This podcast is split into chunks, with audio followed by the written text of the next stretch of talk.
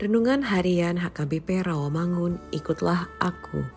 Rabu, 13 Juli 2022 dengan judul Iman dan Pengasihan Tuhan Yesus. Bacaan kita pagi ini tertulis dalam Lukas 9 ayat 51 sampai 56.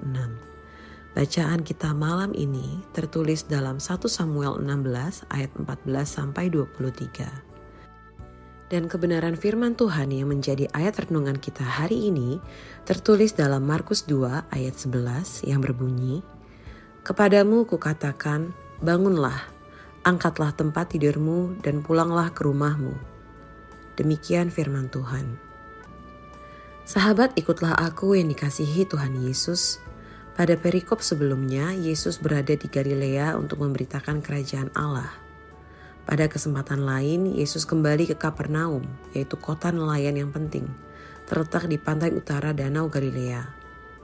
Yesus kembali lagi ke rumah Simon dan Andreas. Ia pun memberitakan firman kepada mereka yang berkumpul di rumah itu. Sekumpulan orang yang beriman kepada Yesus menyaksikan bagaimana Yesus mengajar dengan kuasa dan mukjizat, serta menyembuhkan orang sakit. Dari situ, hati mereka tergerak untuk menolong teman mereka yang lumpuh mereka beriman Yesus mampu menyembuhkan, maka mereka tidak diam saja. Meski banyak rintangan, mungkin rumah si lumpuh jauh, mungkin tubuhnya berat.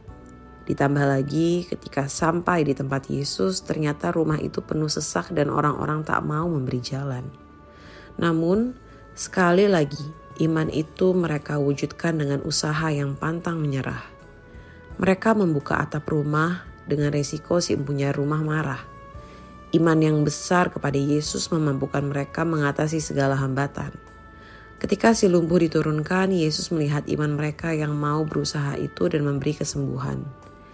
Iman itu menjadi kenyataan karena anugerah Allah di dalam Kristus, bukan karena kemampuan mereka sendiri.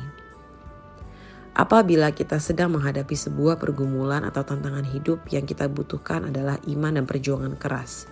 Ingatlah kisah ini. Berharap dan memandang kebesaran Allah yang sanggup menolong sehingga menguatkan kita untuk berjuang. Serahkan ketidakberdayaan kita kepada Yesus supaya iman kita menjadi kenyataan. Amin.